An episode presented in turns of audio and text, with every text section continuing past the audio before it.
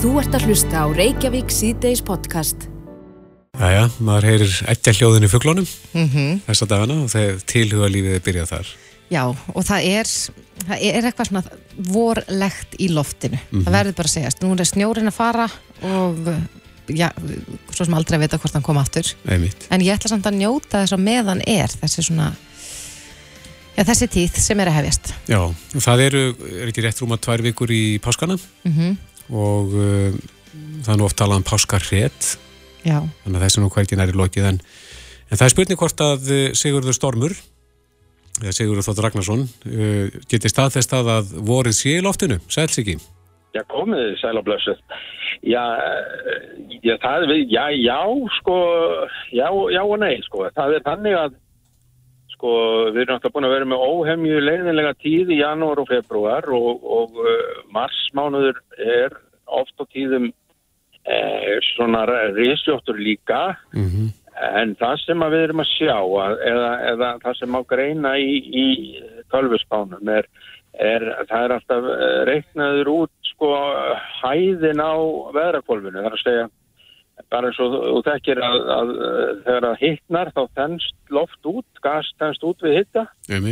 Og það gerir líka andrumkloftið og þá fer maður að sjá að, að, að, neðstu hluti andrumkloftins heitir veðrakvolf og uh, það er byrjað að þykna sem þýðir að við erum með uh, svona ákveðnari hlýjindi svona rétt við okkur sem eiga svona nokkuð nokkuð góðan afgang að landinu sunnaverðu, það er svona næstu daga. Mm En á hinbógin er rétt að benda á á sama tíma og, og, og við tölum um að njóta og, og, og finna vorliktina, þá er, þá er bálkvast á vestfjörðum með snjókomu og, og þar er náttúrulega harða vitur ennþá akkurat. og það er að sjá alveg að það verði læragangur eh, sem sagt áfram en um, það er svona bendir margt til þess að þær lægðir sem að núna eru væntanlegar á næstunni séu svona eigið sér uppruna eh, svolítið sunnar heldur en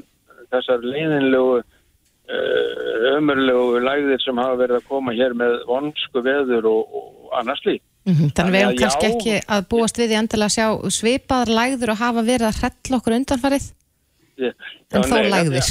Já, já, þetta er allt saman lægðir sem hafa verið að hrella okkur og, og, og eh, en, en um leiðum við fáum svona mildari lægðir og, eh, og hitamunur millir norður og suður eh, sem sagt með svo kvölda meginskil það sem er kallt öðrum megin og heitt úr suðri að þegar að það fyrir að mjaka sig norður á bógin, norður fyrir Ísland að þá, þá mann orðin, þá náttúrulega komin bara sumar, en það er ekki alveg þar, en, en, en það er svona góðar líkur á að við fáum bara nokkuð góða tíð með örfáum undateknikum og uh, sínist að suður helmingur landsins, og þá er reyndar að tala um lálendi, verður bara í þokkalegasta hita, það eru, eru næturfrost svolítið að sjá, sjást í kortunum, svona, en, en svona yfir miðan daginn erum við að tala bara um, um bara þokkalegasta veður og, og hérna en, en, en það, er endur páskarréttið og það er náttúrulega páskarréttið er að bara kalla það að því það lendir svo oft nála páskum, þetta er bara svo hvernig lægð sem að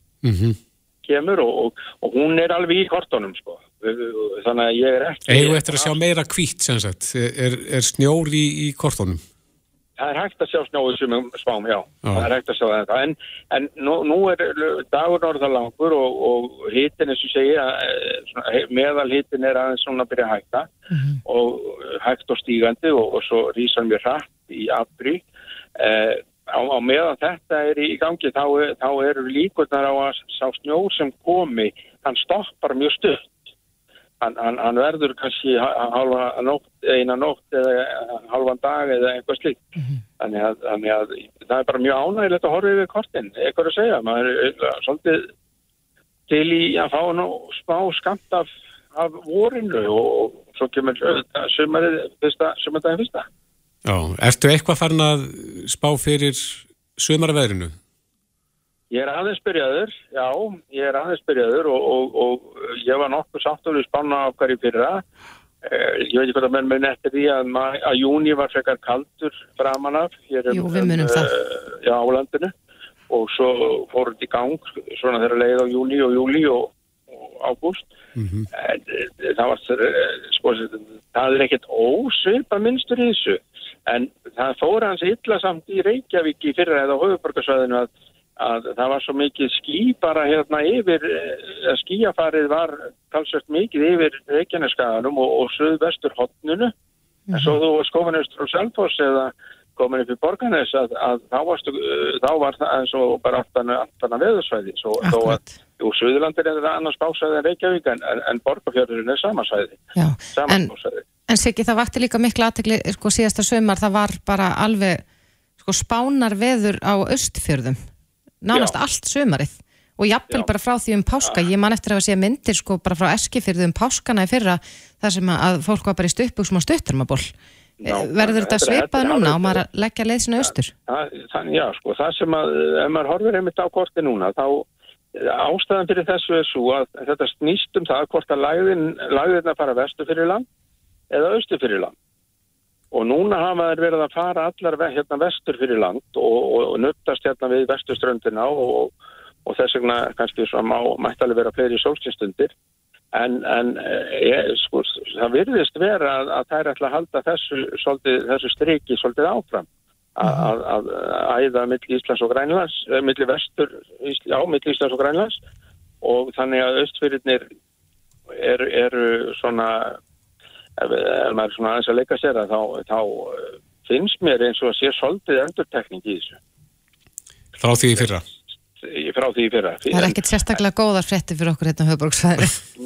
Já, það, já, það er kannski, það er aðalega náttúrulega lægðir eru bara, ef mann fylgja eftir, fylgjast með hvað lægðir eru, þá er fylgja þeim skí og ryggning og allt þetta mm -hmm. og hérna, og ef það eru að nuttast hérna vestan við landi, þá eru mann með veðurlagt í tengt En, en það sem að við erum komin inn í hættir loftrýstinga þá erum við komin í bjartara veður og, og, og, og en, en hins vegar er ég alls ekki að segja hér verði, sko ég, það, þetta, er, þetta er bara príðis, príðilegt að horfa yfir kortin. Ég, ég, ég hefði maður búast jafnvel við reysjóttara tíðafæri heldur en, heldur en búið er að vera og reysjótt, ég kallaði reysjótt er að skiptast á lægðir mm. -hmm. eins, eins og strætisakar á, á, á leið, leið 6 Þannig að endur tekja efni frá, frá því fyrra en, en uh, vorið er að rýsa. Það er já, í rauninu það, það, það er Já, við getum sagt að ríðarnar sem komnar sko, ríðar er svo, er svo, er svo í fæðingu sko. Mm -hmm. og, og, og það er að fæðast og við sjáum það meðal annars í, í því að læðirnar eru að verða hlýri og, og loftjúpurinn eða, eða neðstu loftlögu eru að bytna og þá svona þarf maður að verða bjart síðan á, á að voru sé virkilega að, að ræsa sig. Já, við tökum undir það með þér og verum bjart sín, öll sömur. Siggi Stormur. Já, en svo er þetta náttúrulega alltaf spurningu við þór. Akkurat. Takk kærlega fyrir þetta. Það var ekki málið. Takk, takk. Þú ert að hlusta á Reykjavík C-Days podcast. Við höldum áfram hér í Reykjavík C-Days og uh, ætlum núna að fjalla um afglæpavæðingu neysluskamta og þetta er svona eitt umræðefni sem kemur reglulega upp. Uh, Helbriðsráð þeirra var hér í samtali við okkur í gær Já. og talaði um að hann eh, reiknaði með því að, að frumvarpum afklapavæðingu er því sett á dagskói haust, það væri bara hreinlega ekki tilbúð núna fyrir 1. april þegar fresturinn til þess að leggja það fram, minnum mig. Nei, það er þetta að skýra ákveðin atrið í þessu frumvarpi. Akkurat. Vinna það eins betur, eins og hann sagði. Já, og það er ágreiningur um ímis atrið sem er tengt þessu frumvarpi og uh, Eitt kannski sem að hefur verið mikið umræðan er til dæmis það sko ef að þetta verður afglæpa vægt mhm. hvort að, að sá skamtur sem að viðkomandi er, er gripin með eh, verður gerður upptækur eða ekki. Já. Viljum var nú á þeirri skoðun að það væri réttasta leiðina að, að, að gera skamtin upptækan. Mm -hmm. En ekki allir sáttir og eitt sáttir um það. Akkurat. Hann er komið til okkar til að ræða þessi mál, Kristján Höllusson, eh, sem er fyrirum výmjöfnanótandi í bata, velkomin. Þakkaði fyrir, þakkaði fyrir. Já, sko fyrir mér, um, þá er það að gera fíknefnin, eða þú veist, að gera výmjöfnin upptæk, það er refsistefna og ég menna, ég get tala bara frá bara minna eigin reynslu að þegar maður er í svona mikil, þú veist, neyslu výmjöfna og þú ert sérstaklega ert líkamlega og andlega háður efnum, að þegar þau eru gerðið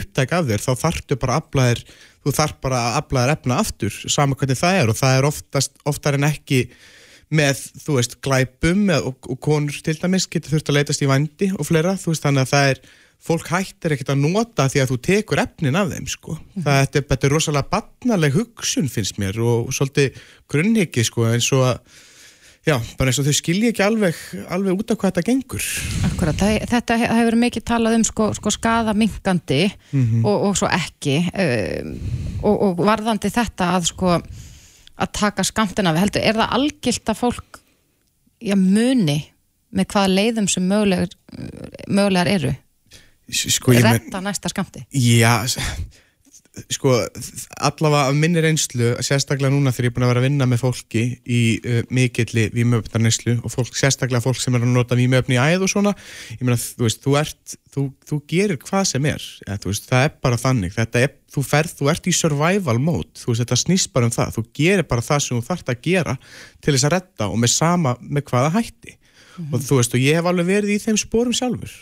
Og það er bara mjög skríti finnst mér að ætla að kalla þetta, þú veist, afglæpavæðingu ef þú ætlar svo að, að taka, gera efnin upptæk, mm -hmm. það gerir engum gott og það, þú veist, ég, líka eins og ég segi, ég hef lengt í því að þú veist, að vera, bara þetta fyrir, fyrir mér snýst þetta fyrst og fremst líka bara um öryggi þú veist, að, ég hef alltaf talað um það að, að ég hef lengt í því sjálfur að taka of stóra skamta og svo, þú veist, þú erum að ekki að ringja á sjúkrarbíla að leita sér heilbyrðstæðastóra því að skamt, næsti skamtur að veri tekin svo af þér, þú veist, og þá átt ekki fyrir næsta dag, þú veist, þetta er bara rugg mm -hmm. En svo hefur því stundu verið fleitt fram að sko ef að ef að það verður ekki þannig að, að, að skamturum verður gerað upptekur að, að þá munu þeir sem að selja eiturlif reynilega bara ganga með smarri skamta á sér Sko Uh, ég, eins og ég segja, núna get ég bara talað frá persónleiri reynslu og ég veit ekki lögurklæðnar ábyggilega með öðruvísi skoðan á þessu heldur en ég.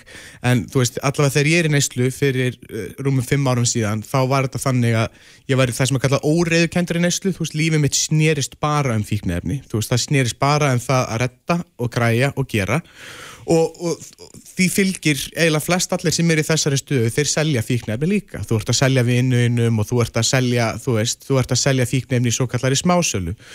Og fólk sem er í svo, svona smásölu veist, þetta er oft veikasta fólkið. Veist, þetta er ekki einhver eins og fólk er með einhverja hyllingamindir af Franklin Steiner með skjálatöskur og þú veist, að mæta á mentaskólalóður að pranga fíknefnum upp á einhverja krakka, þetta er bara ekki svona lengur.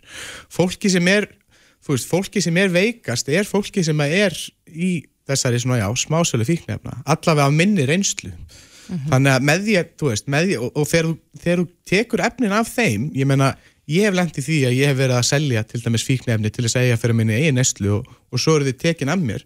Og þú skuldar ekki bara þú, þá, þetta voru efni sem ég var líka að nota sjálfur þú, og svo skuldar ekki bara ríkinu fyrir sektina, heldur skuldar líka dópsaluninu, skilur þannig að þú ert, þú ert þú ert að gera bara mjög þetta, þetta er ekki gott ástand Er verið að, er verið að sekta fyrir neysluna eða vörsluna í dag? Um, það er verið að ég er bara ekki 100% á því en ég held að sé sekta fyrir uh, það er sekta fyrir vörslu fíknefna í dag eins og það er held ég, mm -hmm. ég er bara ekki samt, ég er ekki 100% klára á því en það er Varst þú sektaður eitthvað tíma fyrir? Ég hef verið, ég var, hef verið sektaður fyrir vörslu fíknefna og þú veist, ég var með í rauninni skamt sem að myndi teljast í dag sem neyslu skamtur en en hann var uh, þetta voru, hvað held ég, það hefði verið 10 gram af kókaini eða eitthvað svo leysi sem að myndi flokkast undir 10 dag, þú veist, það er alltaf að tala um 10 daga neyslutungamt og svona og þetta myndi flokkast undir það en það er talið með sko skamtur til dreifingar eða svo leys, þannig að já, ég hef verið sagt það fyrir það og, það, og ég meina þetta fylgir manni það sem eftir er, mm -hmm. þú veist, ég meina ég get ekki Núna er ég búin að vera í bata í fimm ár til dæmis og mér hafa búið þetta forvarnar ástefni út í bandarækjunum fyrir tveim árum. Ég hef verið mjög metnaðfullur í þessu málaflokki og ég get ekki farið út af því að ég er með dóma mér. Eða, veist, þetta, er, þetta hefur varanlegar veist, afleggingar eh, á líf fólks mm -hmm. og heilsu þeirra. En það er eitt af því sem þú hefur gaggrínt er að já, það sé ekki fólk í þessum starfshópi sem að viljum heilbreyðsáþra hefur skipað um, sem hefur persónulega reynslu af því að vera í neyslu. Akkurat, og þú veist þessi starfsópur er alveg vel mannar ég get alveg sagt það að þú veist að þeir einstaklingar sem ég sé að þeir eru mjög flottir en það verður bara meða við bara gildi nútuma samfélags og sérstaklega þú veist þá verður eiginlega fólk að vera með persónulega reynslu, finnst mér. Það verðist vera þannig, við verðumst vera að koma lengra í geheilbreyðsmálum þar að kemur að þessu. Þetta er tóltið talað um skadamingandi nálgun gengur út af það bara ekkert um okkur án okkar veist, það, það bara er fárlegt að, að ráðleika sér ekki við fólki sem hefur virkilega gengið í þessum að þetta er eðlislega mjög skrítin lífsreynsla að búa við, búa við ótta við yfirvald stanslust, veist, og það er ekkert allir, þú veist, jafnvel þáttur að hafa lesið um það í fullta bókum og eitthvað svona, veist, þá, þá skilur kannski ekki endilega óttan og mér finnst mjög mikilvægt að það sitja allavega einhverju í þessum starfsóp sem hafi persónulega reynslu af þessum ótta. Mm -hmm. Hvaða var ganga langt í þessum álum? Finnst þér að ríkið eða jafnvel að, að retta skamti eða skamtum fyrir neytendur? Sko, mín persónlega skoðun er svo að sérstaklega eins og fyrir einstaklingar sem eru mjög langt leittir þá væri bara lang einfallast að þau getur bara fengið að segja þetta í apoteki ég meina þetta myndi það, veist, þetta er, það er ekkert allir sammála þessu og það er þú veist, gaggrina það en mér finnst þetta bara að vera mannúlegast að nálgunin. Vegna þess að annars er fólk er, annars ertu að neyða fólki að stunda viðskipti við glæbamenn og, og, og ofbeldisfólk. Mm -hmm. út af því að við erum í stanslustri afneitunum að þessi vandi sé, þú sé til staðar og það bara við erum búin að vera í þessari afneitum frá 1970 skilur þú veist Er eitthvað lausn á þessum vanda? Við, við, viljum við ekki fólki sjálft sem er í neslu það vill ekki vera á þeim stað sem það er. Flestir hverjir ekki. Akkurat. er einhver bara, já langtíma lausna því að reyna að, að fælka notendum? Sko, skadamingunni nálgun gengur líka út frá það sko að þegar þú ert í samskiptum, ég menna því meiri þjónustu og því meiri samskiptum sem þú ert í við neytendur því, þú veist, því, því betri þjónustu getur veitt þeim, það eru meiri líkur á, það, á því að manneskja sem segja eins og að sé að nota výmjöfni æð, ef hún vilja kannski minka neistlu, ef hún er í samskiptum við heilbriðstarfsfólk reglulega, þá eru miklu meiri líkur að hún geti náðs, eða þú veist, náðu að leita sér hjálpar mm. en ef hún er alltaf í stöðu verið hættu við það og stöðu verið hættu við það að vera refsaðum og leita sér helbriðsaðstofar þá, þá einhvern veginn þá gerist ekki neitt mm. Hvað viltu segja við þá sem að halda því fram að þetta sé bara leið sem að fólku valið sér sjálft í lífinu e eitthvað stað byrjar þetta, eitthvað stað tekur fólk ákvörðinu það að að taka inn fíknefni Ég segi að þú veist ég veit nú bara ekki eiginlega hvernig ég get svara þessari spurningu en að minni persónulegu reynslu þá sérstaklega að vinna með fólki sem er uh, sem er í, þú veist, sem er mjög jáðarsett, þú veist, þetta er allt mjög lifandi, skemmtilegir, klárir, frábæri einstaklingar. Fólk fær bara mismunandi spilgefin og þetta getur gerst við hvert sem er, þú veist, það er bara finnst mjög einhvern veginn hræstnaralegt þegar fólk segir þetta ofta því að þetta geti alveg eins hafa verið þú eða einhver af þínum nákvæmum sem hafa lendt í þessu sko. Akkurat, en, en uh, þú starfar með fólki sem er í virkri neyslu. Uh, finnur þú þennan óta hjá þeim? Þennan óta við sko yfirvaldið að vera grepin með skamtin sinn? Já, gríðarlega bara þú veist, ég minna þau og það er sko, ég ætla ekki að segja það það eru, það eru hann að það er fullt af flottu fólki sem vinnur innan lauruglunar og ég meina stundum leifa er þess að slæta veist, og það er, veist, það er alveg þannig. Þeir eru ekki alltaf teknir með, veist, og því flest það sem vinnir lauruglunar vita það að þeir taka efnin af, af þessum einstaklingum og þá þurfa þeir bara að fara að retta þeim aftur. En það er, það er svo hættulegt að það sé happa og glappa hverjum þú lendir á. Mm -hmm. og já þessar einstaklingar búa í stöðum óta við, stöðum óta við allt yfirvald Þú veist, og, og heil, þú veist, þetta líka byggjur upp svo mikið vantröst gegn öllum kerfum sem eiga að vera til aðstofar vegna þess að ef sko, ef, líka ef einhver hópur samfélagsins verður fyrir miklu ofbeldi þá er það þessi hópur. Og þegar þú ert búin að byggja upp þetta vantröst gagvart lögreglunni, ég meina þú veist, fólk eru ekki einu sinni, ég get sagt frá því persónulega, ég lengt í bensinsprengja áras þegar ég var 15 ára og ég var með efni á mér og ég þorði ekki einu svo að ringja á lögguna, skilur þú veist, þetta er bara, þetta er, þetta er alvarleg, staðan er það alvarleg -hmm. En hvernig finnst þér viðþorfin svona almennt í samfélaginu vera gagvart, sko annars vegar bara þessu með afglæfavæðingun og svo gagvart sko þeim skjólstæðingur sem þú starfar með Sko mér finnst viðþorfi alveg vera að breytast og svona, en mér finnst samt þú veist, við, meðum alltaf stíða lengar, við verðum bara að vera óhrættari við að taka umræðina einhvern veginn og það er mér finnst vera mjög mikil, ef, þú veist, þetta er mjög fordómafullt, mjög mikil oft umræðan og svona, en Æ, ég veit ekki, þetta er samt alveg, við erum að stíka í rétta átt en bara ekki nógu fljótt, finnst mér. Heldur... Fyrir ekki heldur að þetta íti undir neyslu ef að þetta verður gert refsi löst? Nei, ég held það ekki og ég, hana, ég segi fólki sem að, ég heldur það að kanna bara vísindin, það hafa verið gerða rannsóknir og vísindin sína fram á það að þetta er bara það sem virkar, sko. Mm -hmm. En þú talar um fordóma, heldur að, að fordóminni stafir hennilega bara þekkingarleysi þeirra sem hafa ekki verið í þessar stöðu? Já, algjörlega, þeir stafa af þekkingaleysi og þeir stafa líka af, uh, eða þú veist, refsistefnan ítir undir fordóma líka, eða þú veist, það er málið, þú veist, eða þú ert alltaf í þeirri stöðu að þarna, þú ert að brjóta lögin og svona, þú veist, það er náttúrulega ítir undir fordóma hjá fólki líka, það ertu bara en lögbrjótur og, og eitthvað svoleiðis, þannig að, en jú, þetta er þekkingaleysi og, og, og refsistefnan, helst. Akkurat. Kristján Höllusson, fyrrum výmöfnanótandi í Bata og starfsmæður í úrræðin fyrir fólk með virkan výmöfnavanda. Kæra þakki fyrir konuna. Takk eitthvað fyrir. Þetta er Reykjavík C-Days podcast.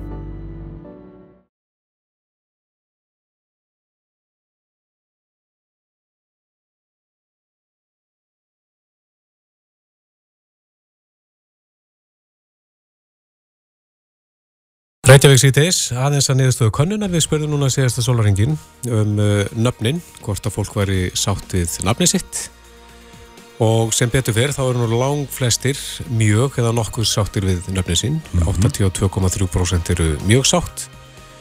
Nú uh, 14% eru nokkuð sátt. Og svo eru þarna þessar tvær litlu sorglegu kökur. Þess að þeir sem eru lítið sátti við nafni sitt eru 2,3% og uh, svo eru 1,4% sem eru ekkert sátt við nöfni sín. Kynnum nýja konnetisögunar hér áður en langt um líður en uh, uh, við vorum að ræða hérna áðan þessar pestir sem er að ganga og Þóldís nefndi það að, að á barnaspítalanum þar merkja menn að influensan hefur nú tekið við af COVID svona sem mestu sökudólkunni þar inni. Og við erum svona reymbast í það að ná sambandi við Óskar Reykdalsson. Hann var nú komin hérna á línunni hjá okkur rétt áðan. Bræðu kannski prófar að ringja eftir í hann. En spurningin er hvernig er hægt að bregðast við í influensu faraldi nú þegar þetta svona rýður yfir á fullum krafti það sem er búið að losa um allar sóttvarnir er eitthvað að gera til þess að tefja útberðsluna Nú þekkjum við all þessar persónlegu sóttanir og erum orðin vel þjálfið í, í þeim. En á línunni er Óskar Reykdalsson, fórstjóri helsugesslunar á höfuborgarsæðinu. Komdu sæl. Já, komið sæl. Já, við erum að nefna hérna influensuna. Er, er hún komin á fullt skrið, svona samkvæmt ykkar mælingum? Já, við erum hann að það ótrúlega mikið af öndunafæra síkingum. Það er margir með hýta og hósta og, og hérna alls konar hvef enginni. Þannig að fólk er mikið að leita til okkur átta því. Já. Er, er sérstaklega skimað fyrir influensu á þessum tíma? Nei, við gerum það nú ekki almennt sér, en þetta er það gert með þá sem veikari eru og koma til dæmis inn á bráðamótökunni eða lenda á spítalanum, það er frekar þar. Mm -hmm. En hvern, við, við, hvernig sjúkdómsgreinið þá fólk með influensu eða ekki? Influensan er svolítið svona hröðveikindi það fær háan hitta höfuverk, vöðaverki og beinverki sem að koma til dæla snögglega. Mm -hmm. á meðan að flestar öndunarfæri síkingar aðrar koma svona hægar inn. Þetta er svona svona krítega sem við getum oft nota og, og veiru síkingar almennt, það er nú ekki alltaf mikilvægt að greina nákvæmlega á milli hvað veldur. Af því að í flestum tilvægum læknast þetta bara mjög fljótt. Já. Þetta snýst um að gá svona hvort að fólk er mjög veikt sem er náttúrulega almálið. Mm -hmm. Var verið að bólusetja fyrir influensunu hérna eitthvað fyrir í, á þessu ári eða á síðast ári? Já, það var gert í haust og þá bólusettum við, það, við, það var keft í landsins 95.000 skampar og það eru skráðir núna bólusettir hvað, hvað er það 67.000 þannig að það er ennþá til efni fyrir þá sem að vilja bólusetja sig og maður er sjálfins ekkert á setn að fara í influensabólusetningu á meðan maður ekki er útsettur fyrir smiti. Nei. Hvað er bólefni lengi að virka eða taka við sér? Það kemur verkun innan farra daga en svona alvöru verkun tekur kannski einhverja fárvikur eins og svipað eins og með COVID-bólusetningar. Mm. Hvað er margir stopnar? Hvað er margir stopnar af, af influensu sem að vita er um? Það eru þessar mest A og B influensunar sem eru til og þær eru til í nokkrum stofnum hvorum sig þannig að það eru nokkra tegundi til og En er ekki svolítið hattrætti fyrir því hvaða bólefni er keift, hvort að það sé þá gegn þeim stopni sem kemur, eða ekki? Jú, og það er, reikna út frá því hvernig þetta gengur, sko, veturinn áður og, og svona áðurinn að framlistan hefst, hvað er í gangi og hverju er búist við. Mm -hmm. Og það er eiginlega hittist nú frekar vel á yfirleitt. Það, það gengur vel að spá fyrir um það. Já. En Ósk... Þetta er bara mjög gott. Akkurat. En Óskar, við eh, rættum þann nú hérna þess áðana að nú höfum við síðastleginn tvö ár verið mjög mikið að gæta að, persónulegum sóturnum og grímunótkun spritt og handþvottur og, og allt það. Eh, Dugar slíkt við influensuna? Ættu við mögulega að vera að hegða okkur pínu eins og hérna þegar COVID var í hápunkti? Já, sko það er þannig að þetta smítast bara mikið alveg eins og COVID með svona úðasmiti og snertismiti og það er svona besta þar sem fólki er ef einhver er veikur. Og flest, sko maður smitar mest þegar maður er lasi en síðan smitar maður minna maður smitar svolítið rétt áður en maður veikist. Mm -hmm.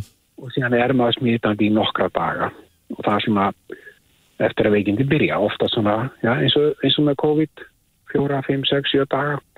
Og svo mingar eh, já, líkunar á maður smiti út frá sér mjög hratt eftir svona 5-6 daga. Ef maður finnur fyrir einhverjum einkennum og svona kannski fær eitthvað tilfinningu fyrir því að maður gætu hugsanlega verið að veitjast á maður þá að drífa sig bara heim strax? Já, það er best, já. Það, það sem við erum hælum með er að fólk haldi sig heima eða veikt, sama hver ástæðan er. Og ef þetta er venjuleg veikindi eins og maður fær, þegar maður fær ja, hvaða undunafæri síkingu sem er mm -hmm. og fólk finnur ekki sérstaklega svona alvarlega veikinda enginni, þá bara haldi sig heima og kvíla sig og þetta tekur stutt á tíma og það er þannig hjá lang, lang flestum að þá gengur þetta bara þannig yfir. En ef að maður er eitthvað mjög óvinnulegt eins og hérna, meðvitundarskerðing eða mjög erfitt að anda eða eitthvað þessum svona alvarlegri einkennum að þá náttúrulega þarf að skoða mm -hmm. fólk og þá er ágætt að hafa samband. Getur maður fengið koktel af því sem er í gangi núna eða uh, tekur líka með bara við einni pest í einu? Ég vil eitthvað að það nú ekki að maður smittast á tveimur í einu en það er svo sem til eitthvað svona já, sjálfgef dæmi um það, en venjulega er þetta bara maður smítast af einni tegund og er bara veikur í nokkra daga. Og lang oftast er þetta bara þannig að maður veitir þetta ganga yfir. En fólk er svona meðvitað um síkinga núna þannig að við sjáum að það er mjög mikið álag á öllum vaktstöðum og þá sérstaklega held ég vegna þess að fólk er bara svo meðvitað um síkingar að það er ofta að leita álits mm -hmm. á enginnum og svona hvort þetta er eitthvað alvarlegt En þið hafið fundið það, það klarlega á helsugjastluna að þetta er að ganga? Alveg ótrúlega mikið og við erum að taka bara, bara á upplýsingarmiðstöðinni kannski að afgreða svona 1300-1500 manns á dag. Og það er fyrir utan allar helsugjastlustöðar á landinu mm -hmm. og fyrir utan 1700 númeri þannig að fólk með öndunafæra síkingar er að hingja til okkar eða hafa sambandi helsugjastlun í landinu örglega 2-3 þúsund manns á dag. Akkurat. En já, þetta er góð ámenning um það að gæta persónulegum sótturnum eins og við kunnum nú flest. Einmitt og fara varlega bara, fara vel með sig þegar maður veikist, maður drekkur vatn og, og kvíli sig og það er ekkit að reyna á sig eða pýna sig í vinnu þegar maður er lasin. Það er bara jafna sig, þá gengur þetta yfir í langt flestum tilvíkum. Akkurat. Óskar Reykdálsson, forstjóri helsugjastlunar á höfuborgarsvæðinu. Kæra þakki fyrir þetta. Takk fyrir. Þetta er Reykjavík C-Days podcast. En nú hefur hlutur ríkisins í Íslandsbanka eða, eða hlutur af hlut ríkisins verið seldur. Mm -hmm. 22,5% mm -hmm. skildmanni og það var mikil umfram eftirspurn og við fengum hreinlega bara beðinu um það frá hlustanda að, að eh, já, fjalla eins um söluna á, á þessum hlut ríkisins í bankanum á mannamáli. Einmitt marga spurningar Lotti, Heiðar Guðvansson eh, fjárfestir og fórstjóri sínar er mættur, velkomin. Já, takk fyrir kjærlega. Já, það er náttúrulega ákveðið að loka eftir lokun markaði í gær. Eh, hvernig ganga svona kaup fyrir sig?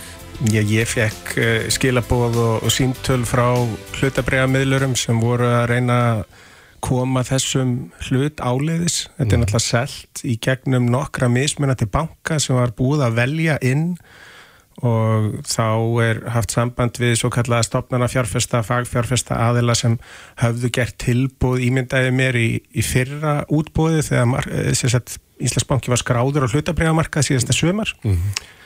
Og uh, það er náttúrulega auðveldast að hafa samband við aðila sem nú þegar voru þá búnir að lýsa yfir áhuga að fá miklu stærri hlut heldur en því síðan egnuðust. Ég, mín fyrirtæki við fengum bara eina miljón eins og allur almenningur raun og veru í fyrra og ég hafði líst yfir áhuga að kaupa mér meira en að vísu var gengið þá talsvert lagra heldur en það er í dag mm -hmm.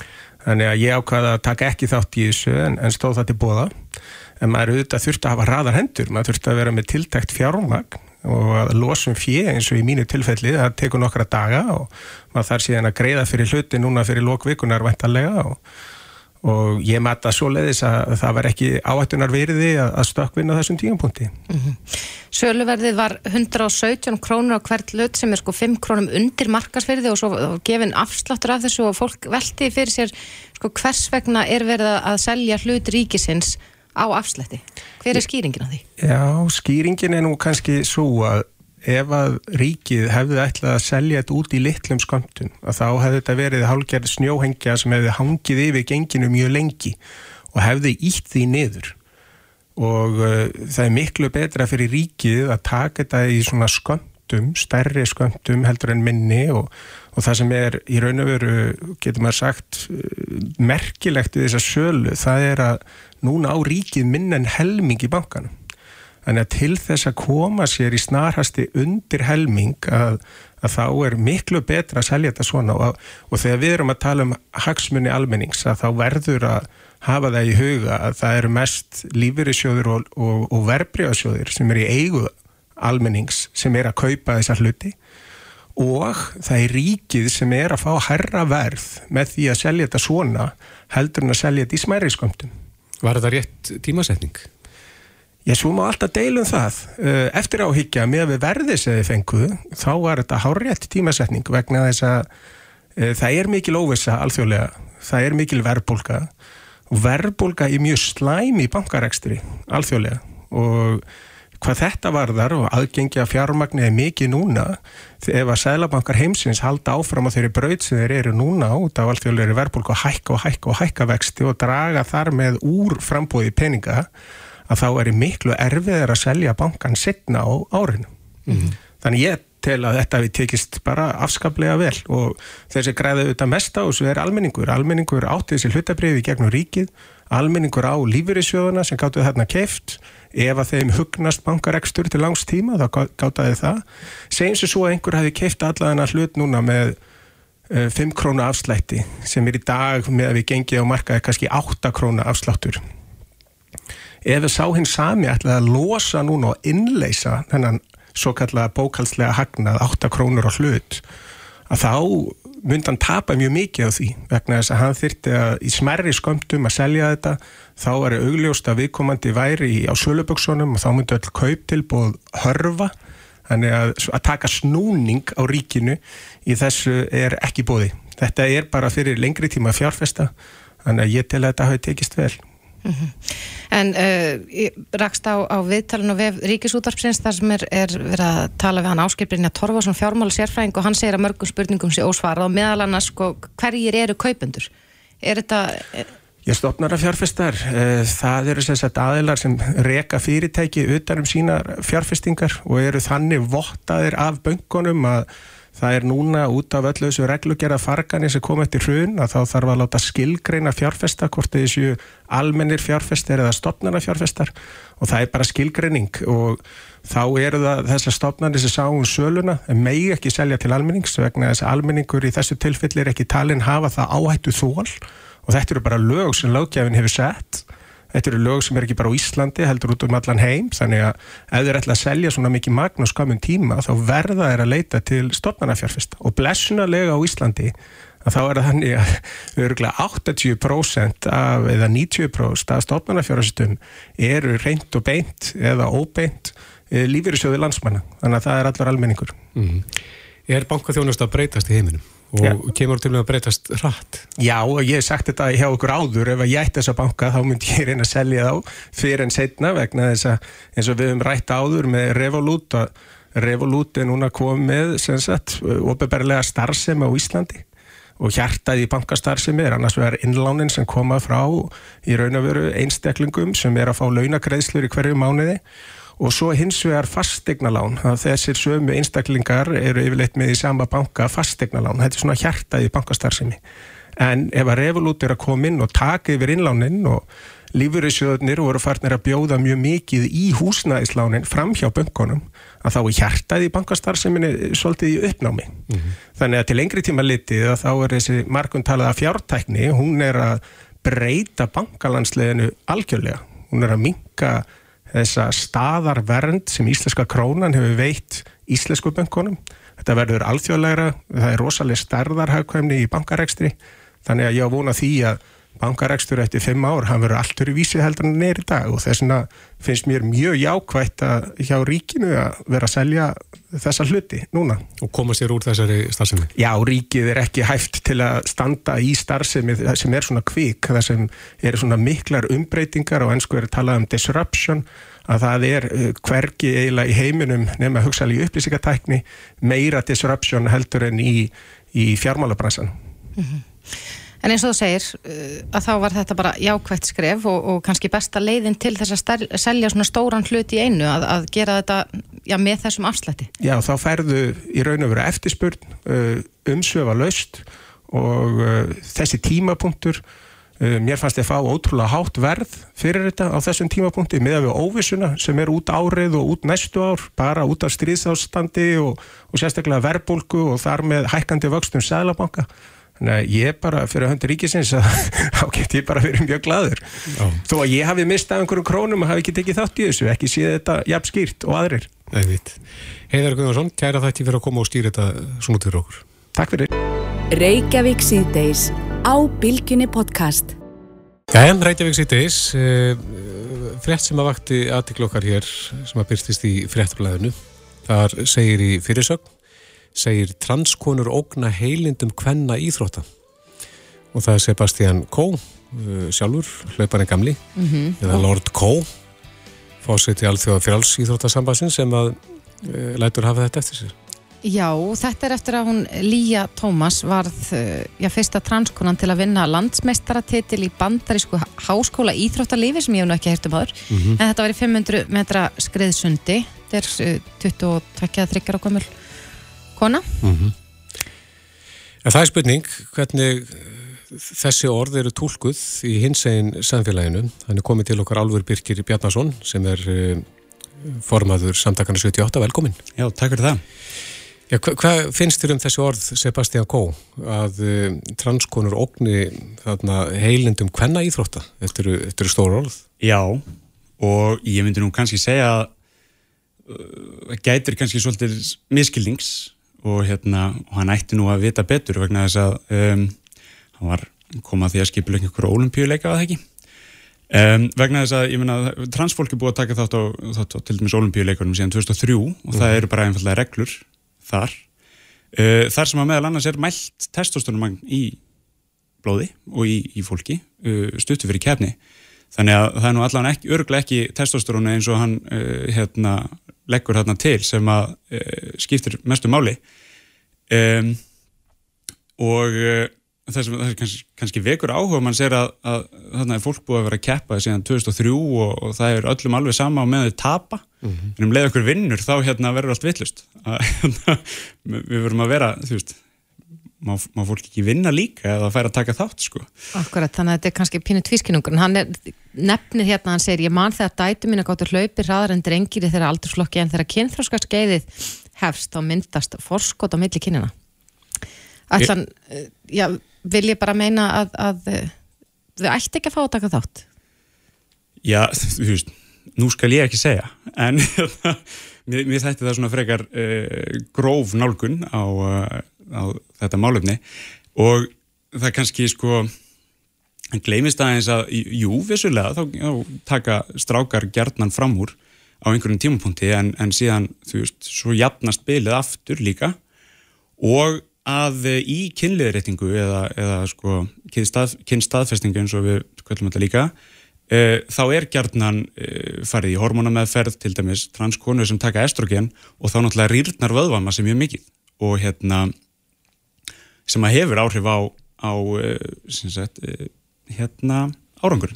Og það sést hjá Líu til dæmis að uh, hún var að keppa í, hérna og og var um það byrjum 50 sekundum undir heimsmeti, eða samt yfir heimsmeti í sundi, í þessari, nákvæmlega þessari grein um, í karlaflokki, gengur í gegnum kynleiritingu og heldur áfram að vera um það byrjum 50 sekundum undir heimsmeti, núna heimsmeti kvenna sem að er aðeins annað og, hérna, og tíminn hennar er lakari eftir leiritingu. Þannig að hérna, það er nú kannski ekki hægt að segja að fórsköldu hafi verið mikið, heldur er þetta meira að hún er afreiksýþróttakona og hún er bara þú veist, góð íþróttakona af, af Guðskjöf eða svo leiðis og hérna og hvort sem hún keppir sem með, með, á móti körlum eða, eða sem kona þá hérna þá í rauninni eh, er bara augljóst að hún er hún er bara stælt kona sem að kann að synda og það er kannski mikilvægast í þessu öllu saman. Þannig að fólk sem að fer í kynstaðfestingu eins og í þessu tilfelli, Karl sem að eh, verður kona, eh, fer á, á svona eh, hérna, testosterón bælandi liv. Já, það, unni, það hendar ekkert voðalega vel fyrir líkamann að vera bæði með testosterón í mjög miklu magni og estrogen í mjög miklu magni. Þá gefur mjög tvískipt skilabóð og, og hérna allt fyrir í smá köku. Þannig að e, til þessi rauninni að estrogen virki í líkamannum þá þarf þetta að vera testosterón bælandi með, meðferð eða í rauninni bara losaði við kynnkirtlana og öfugt. Þú veist, ef að þú ert transmaður og, og hérna vilt e, tekur inn testosterón þá þarftu að losaði við kynnkirtla eða, eða taka estrogen bælandi e, lif á móti. Og hérna, og það er svona frekar lítið mál en e, þetta er náttúrulega bara einhvað sem tekur tíma. Akkurat, en hann verist ekki vera einn á þessari skoðun það segir hér í, fréttin á, á fréttablaðina að uh, að mótmælandur hefði verið viðstattir fyrir utan keppnishöllina þar sem hún kefti uh, meðal annars frá samtökum sem að heita Save Women's Sports eða bjargið hvenna íþróttum Já, og þetta er þetta er svona einhver, einhver trend sem við höfum séð mikið í bandaríkunum og í Breitlandi og það er rosa mikið svona afturkast í, í, í hérna málefnum sérstaklega transfólks og það er svolítið svona uggvænlegt um, og þetta einmitt aftur leta svolítið af ákveðinu miskilningi en og, og það er hræðsla í þessu öllu saman. Og þú veist ég skil vel að fólk sem skilur þetta ekki uh, sé hrætt við þetta en, en hérna um, það virðist gerðnan grýpa bara hvert tækifæri til þess að mótmæra transfólki vegna þess að það er hrætt við einhver allt annað heldur en endilega íþróttina. Og þetta litast líka svolítið af svona sko, já fordómum kakvart konum vegna þess að konur eru flott íþróttafólk líka sko. Og það er ekki eins og hvenna e, skiptingin á melli kynjana hafi verið búin til til þess að gefa konum einhver tækifæri til að vinna heldur var það vegna þess að karlarnir voru svo hrættir um að tapa kakvart konu í sko uppröndilega, þú veist, skauta hlaupi og einhverju svona, þú veist, alls konar og svo bara gengur þetta áfram þannig að, þú veist, við getum ekki beint sagt held ég að hérna, þetta sé að fara að skemma fyrir hérna e, hvenna íþróttum sem einhverju heild að, að þar komi transkonur heldur miklu frekar ef að við leifum ekki hérna leifum þeim ekki að taka þátt mm -hmm. en mér langar aðeins að tala um stöðun á Íslandi Já, ef ég má, endilega. vegna þess að ISI á bara hróskili og þau komið til okkar og báðu um aðstof við að hérna, búið til hana bækling sem ég er með og sést náttúrulega ekki útvarpi. En hérna um, e, og þau báðu okkur um, um að aðstofa sig við þetta og þeirra stefna er og hefur alltaf verið, já, síðan við allavega tókum þetta saman að transbörn eigi að fá að taka þátt í íþróttum sem sitt kinn og uh, engar bollalegginga með það um, en vandamálið verður síðan í afreiksýþróttunum vegna þess að við stöndum ekki í um, hormónamælingum eins og er en uh, við eigum aftur á móti alveg afreiksýþróttafólk sem er trans um, það eru, þú veist, kæjagræðarar og, og, og bókfimi snillingar og, og hérna Er dæmum það að, að transfólk hafi keft í íþróttum hér á Íslandi? Já, Já. og það er það þannig að hérna, og þú veist, bara með ágætum árangri og ég meina, afræksýþróttafólk, framúrskarandi en ekki, en ekki endilega fremst með ljafningja. Þannig að þetta er hérna, En er, er hægt á því að þeir sem að tapa, að þeir nýti sér þett, þessa umræðu sem átillu eða sem afsökum fyrir að hafa tapað fyrir transfólki? ég held að það sé alltaf hætta á því, en við, ég meina, ef að, ef að íþróttur eiga að kenna okkur eitthvað, þá er það að kunna að sigra og líka að kunna að tapa með reist. Þannig að hérna, þarna kemur bara í rauninni sko, svona filosófía íþróttana inn. Ég meina, við verðum bara að hérna, leifa íþróttinni að, að lifa fyrir íþróttina frekar en eitthvað svona hver ég vinn út af þessu og tap út af einhverju öðru þegar sko það er ekkert sem bendur til þess að þetta hafi neinn áhrif að neinu viti sko. Nei. En, en þú talar um að hér væri ekki svona hormónamælingar, stendur til að, að koma því á laggirnar? Nú darstu aðeins út fyrir uh, það sem að ég hérna, treysti mér að tala um? En hérna, nei, en hérna ég bara ég er ekki vissu það á ég við. Að hérna uh, það er uh, það, er rauninni stefnan er að þau geti og, og, og keppi. En hérna ég bara veit ekki hvernig uh, framtíðin er hjá ISI en þau hróskilið fyrir í rauninni það starf sem þau hafa unnið núna og ég hlaka bara til að taka þátt í þessu áfram vegna þess að hérna, ég vil endilega fá afreiks íþróttafólk frá úr hins einn samfélaginu sko. Mm. þó ég veitir endur að það er ímislegt samkynett og tvíkynett fólk en, en frá transfólki líka Einmitt. Álfur Birkir Bjarnason, formaður samtakana 78. Kæra þakki fyrir komina. Takk fyrir Reykjavík síðdeis á Bilginni podcast.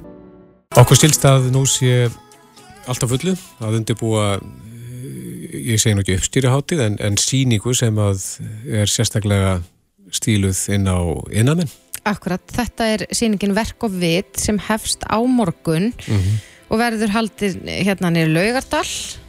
Um, þessi, þetta er svona ætlað fagaðilum á sviði byggingariðnar og mannverkja gerðar og eins og ég saði nú hérna áðan þá fekk ég viður af því að, að uh, lítið um, smíðafyrirtæki hérna í höfuborgin ætla nú bara aldrei að gera sér glaðan dag á föstudaginn og Já, já. hætta fyrir að vinna og mæta á sýninguna og mikil tilhlökkun Mm en uh, eins og við segjum þá byrjar þetta á morgun en á línunni hjá okkur núna er hún Elsa Giljan Kristjánsdóttir síningar stjóri, komdu sæl Já, komið sæl og blessuð. Ertu á fullu núna að undirbúa? Já, vegarsett. Við erum bara hérna á hausa koma þessari veislu upp. Já. Hvað verður hægt að kynna sér á verki og viti? Það verður eiginlega bara hægt að kynna sér nánast bara allt sem að bara tengist þessu miðnaði. Mannverkja gerð og, og, og bara öllu, já, þetta er bara, þetta er allir snertiflitirnir. Er þetta sérstaklega fyrir innað menn? Nei, við, nei, sko, nei, alls ekki. Þetta er eiginlega bara fyrir allan geran sem er að vinna að þessum gera og í rauninni bara, svo er þetta innan sem snertir okkur öll. Þannig að þetta er fyrir alla og almenningur er líka velkomin til okkar á lögadegi og sunnudegi. Mm Þannig að í rauninni er þetta síning okkar allra. Akkurat, en uh, sko ef þú, ef þú myndir leið okkur aðeins í gegnum að maður kemur, er þetta básar, er þetta svona eins og sjávar út af sýningin hér á árum áður, Já. mikið í þetta það- lagt? Það, það er mjög mikið í þetta lagt og, og, og, og, þessi byggingasýningar eru ekki eftirbátar en með sjávarútisýningar sem voru alltaf okkar glæsilegustu sýningar í gamla daga. -hmm. og hérna og það er alveg óbóðuslega flottar útfæslur hérna sem við höfum og það er bara virkilega flottur ar arkitektur í gangi hér inn á verk og vitt. Er þetta fyrir græju fólk? Er mikið að nýjum og skemmtulegum græjum sem hægt er að skoða? Ó, já.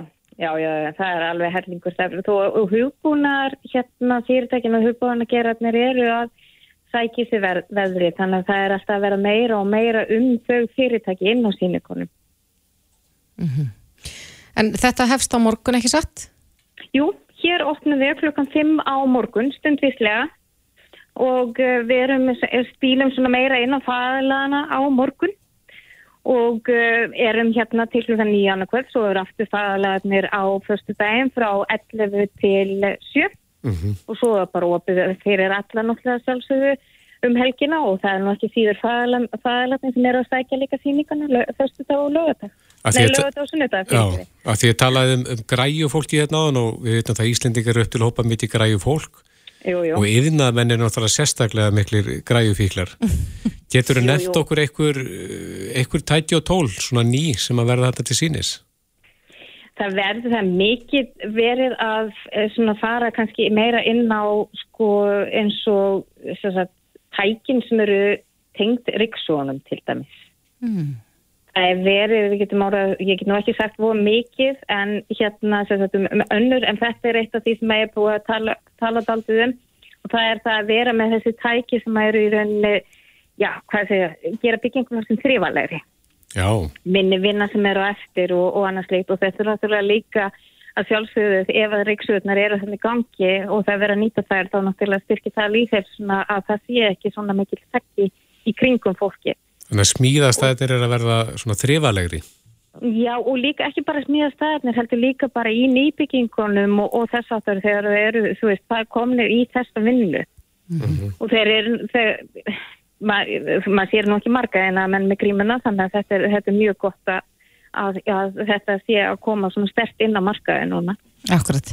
En þetta eru fjölmörg fyrirtækið ekki sem eru með svona bása eða, eða já, svona síningarými. Hér höfum við 100 sínendur inn á, á gólfinu hjá okkur, full höll og, uh, og mjög fjölbreytt, uh, fjölbreytt fyrirtæki, fjölbreytt fyrirtæki.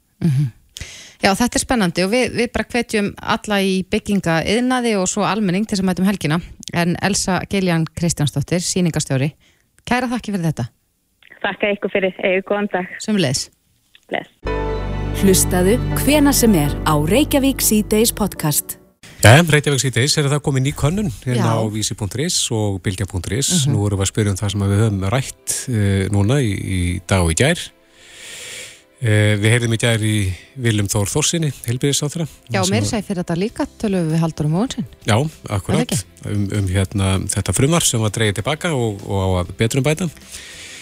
Og um, svo heyrðum við í uh, fyrirverandi fíknirma neytanda í Mhm. Bata í dag. Hún er Kristjáni Höllusinni. Já, uh, það sem við fórum aðeins yfir þetta mál og hann vil að rödd neytenda, í það minnst að fyrirverandi neytenda uh, hljómið þarna í, þessum hópi. Akkurat. En spurningin, Já. nú spyrir við á að gera vörslu neyslu skamta fíknefna uh, refsilösa. Mhm. Hver er ykkar skoðan á því? Nýðust það nú þessari konun síðan á morgun?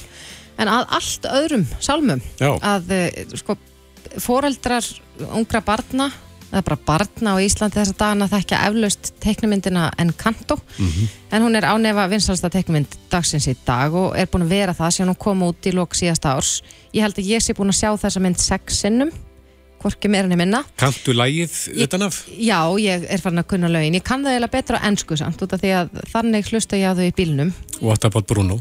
Já, nákvæmlega, ég held að þetta sé eitt vinsalsta lag heiminum í dag Já.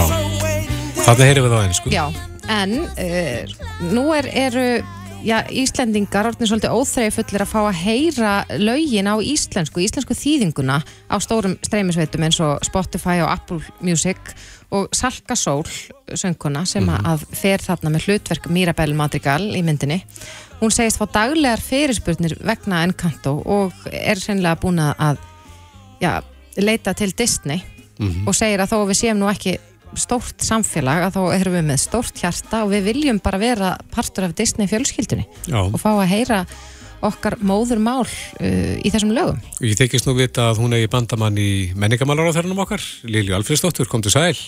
Sælubless, svo sannlega. Er ekki eh, alveg eðli krafa að, að úr því að þessi lög eru til á íslensku, að þau fari inn á Spotify á íslensku? Jú, ég er, ég er alveg hjartalega sammála Sölku Sóli og, og hérna, hún er auðvitað alveg ofsalega uh, góðu tónlistamæður og vöndu manneskja, þannig að ég hafði náttúrulega hýrt af þessu fyrir að þið hérna, settu ykkur í samband við mig, þannig að þetta, þetta, fer á verkefnalistan hjá mér. Eh, sko, ég get kannski sagt ykkur svona til að byrja með og þá sagt, e, e, ber ég ábyrð á íslenskri tungu og búin að gera undanfæri fjögur ár og, og þetta er mjög mikið hjartansmál og það er, það er, svo, það er svo margar ástæði fyrir því. Ein ástæðan er auðvitað svo að í fyrsta sinn er bara frá því að byggð hófst á Íslandi e, þurfum við að svona, nálgast íslenskuna með svo litið það þarf að vera svolítið önnu nálgun vegna þess að við, börnin okkar eru með svo mikið aðgengi að enskri tungu bara strax bara við nýjum ánada í gegnum snjalltæki, í gegnum á iPad-a eða iPhone-a. Og þau eru allir komin í svona tvítengt, eh, sko, þau heyra jafn mikið stundum ennsku og íslensku.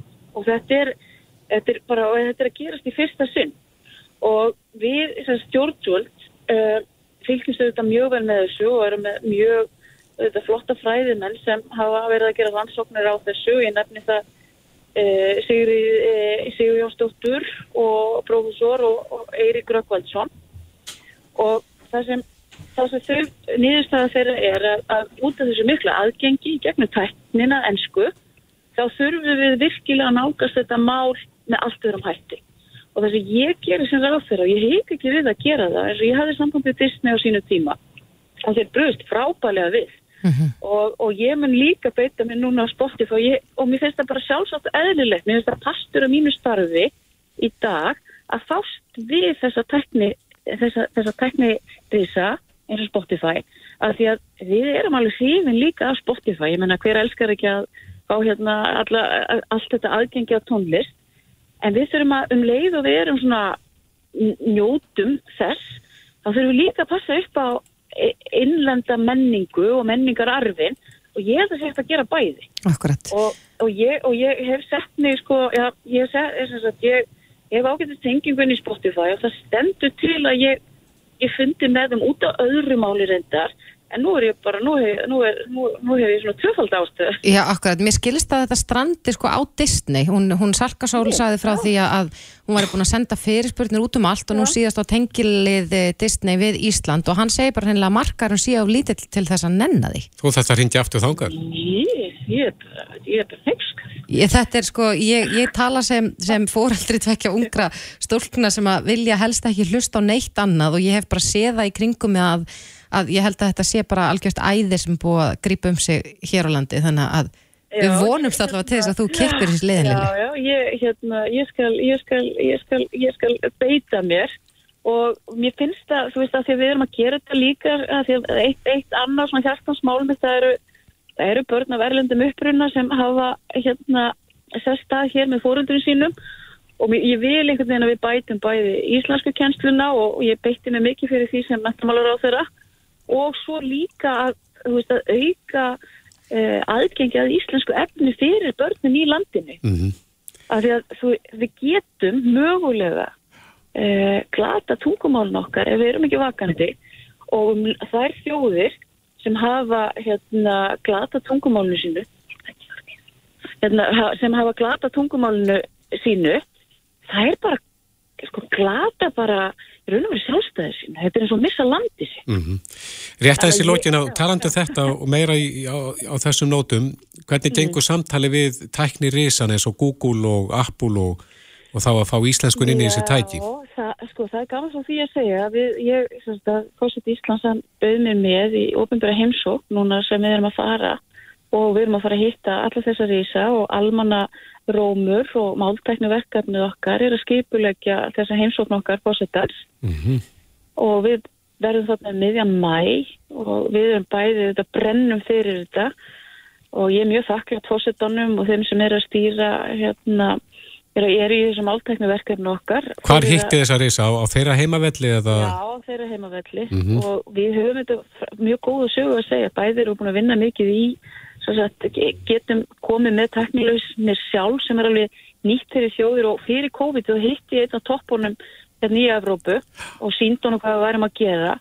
Og það er svona skemmst á því að segja og honum fannst þetta mjög lofsvert. Hann sagði þið eru fyrsta ríki sem kemur og þeir komið sjálf með eitthvað að borðinu. Og þannig að þeir voru mjög opni fyrir samtalenu en það verður bara að segja að segja að svo kom COVID. Og þá var ég auðvitað bara mjög upptekinn í því að halda skólakerfun okkar gangandi þannig að það var einhvern veginn sett svolítið á, á, á ís en núna eru þetta breytið tímar og, og ég fer í þetta Hve- Hvenær er þessi ferð? Þetta verður miðjan, þetta verður miðjan mæ Miðan mæ, þá hitti þið risana. þá hittum við Það er gott að heyra. Við hlökkum bara-. Við hlökkum til að, eh, já, heyrið er eftir þennan fund. Ekki spurning. Lilja Dögg Alfredsdóttir, menningarmálar á þeirra. Kæra þakki fyrir þetta. Takk sem að leiðis Reykjavík síðdeis á Bilginni podcast.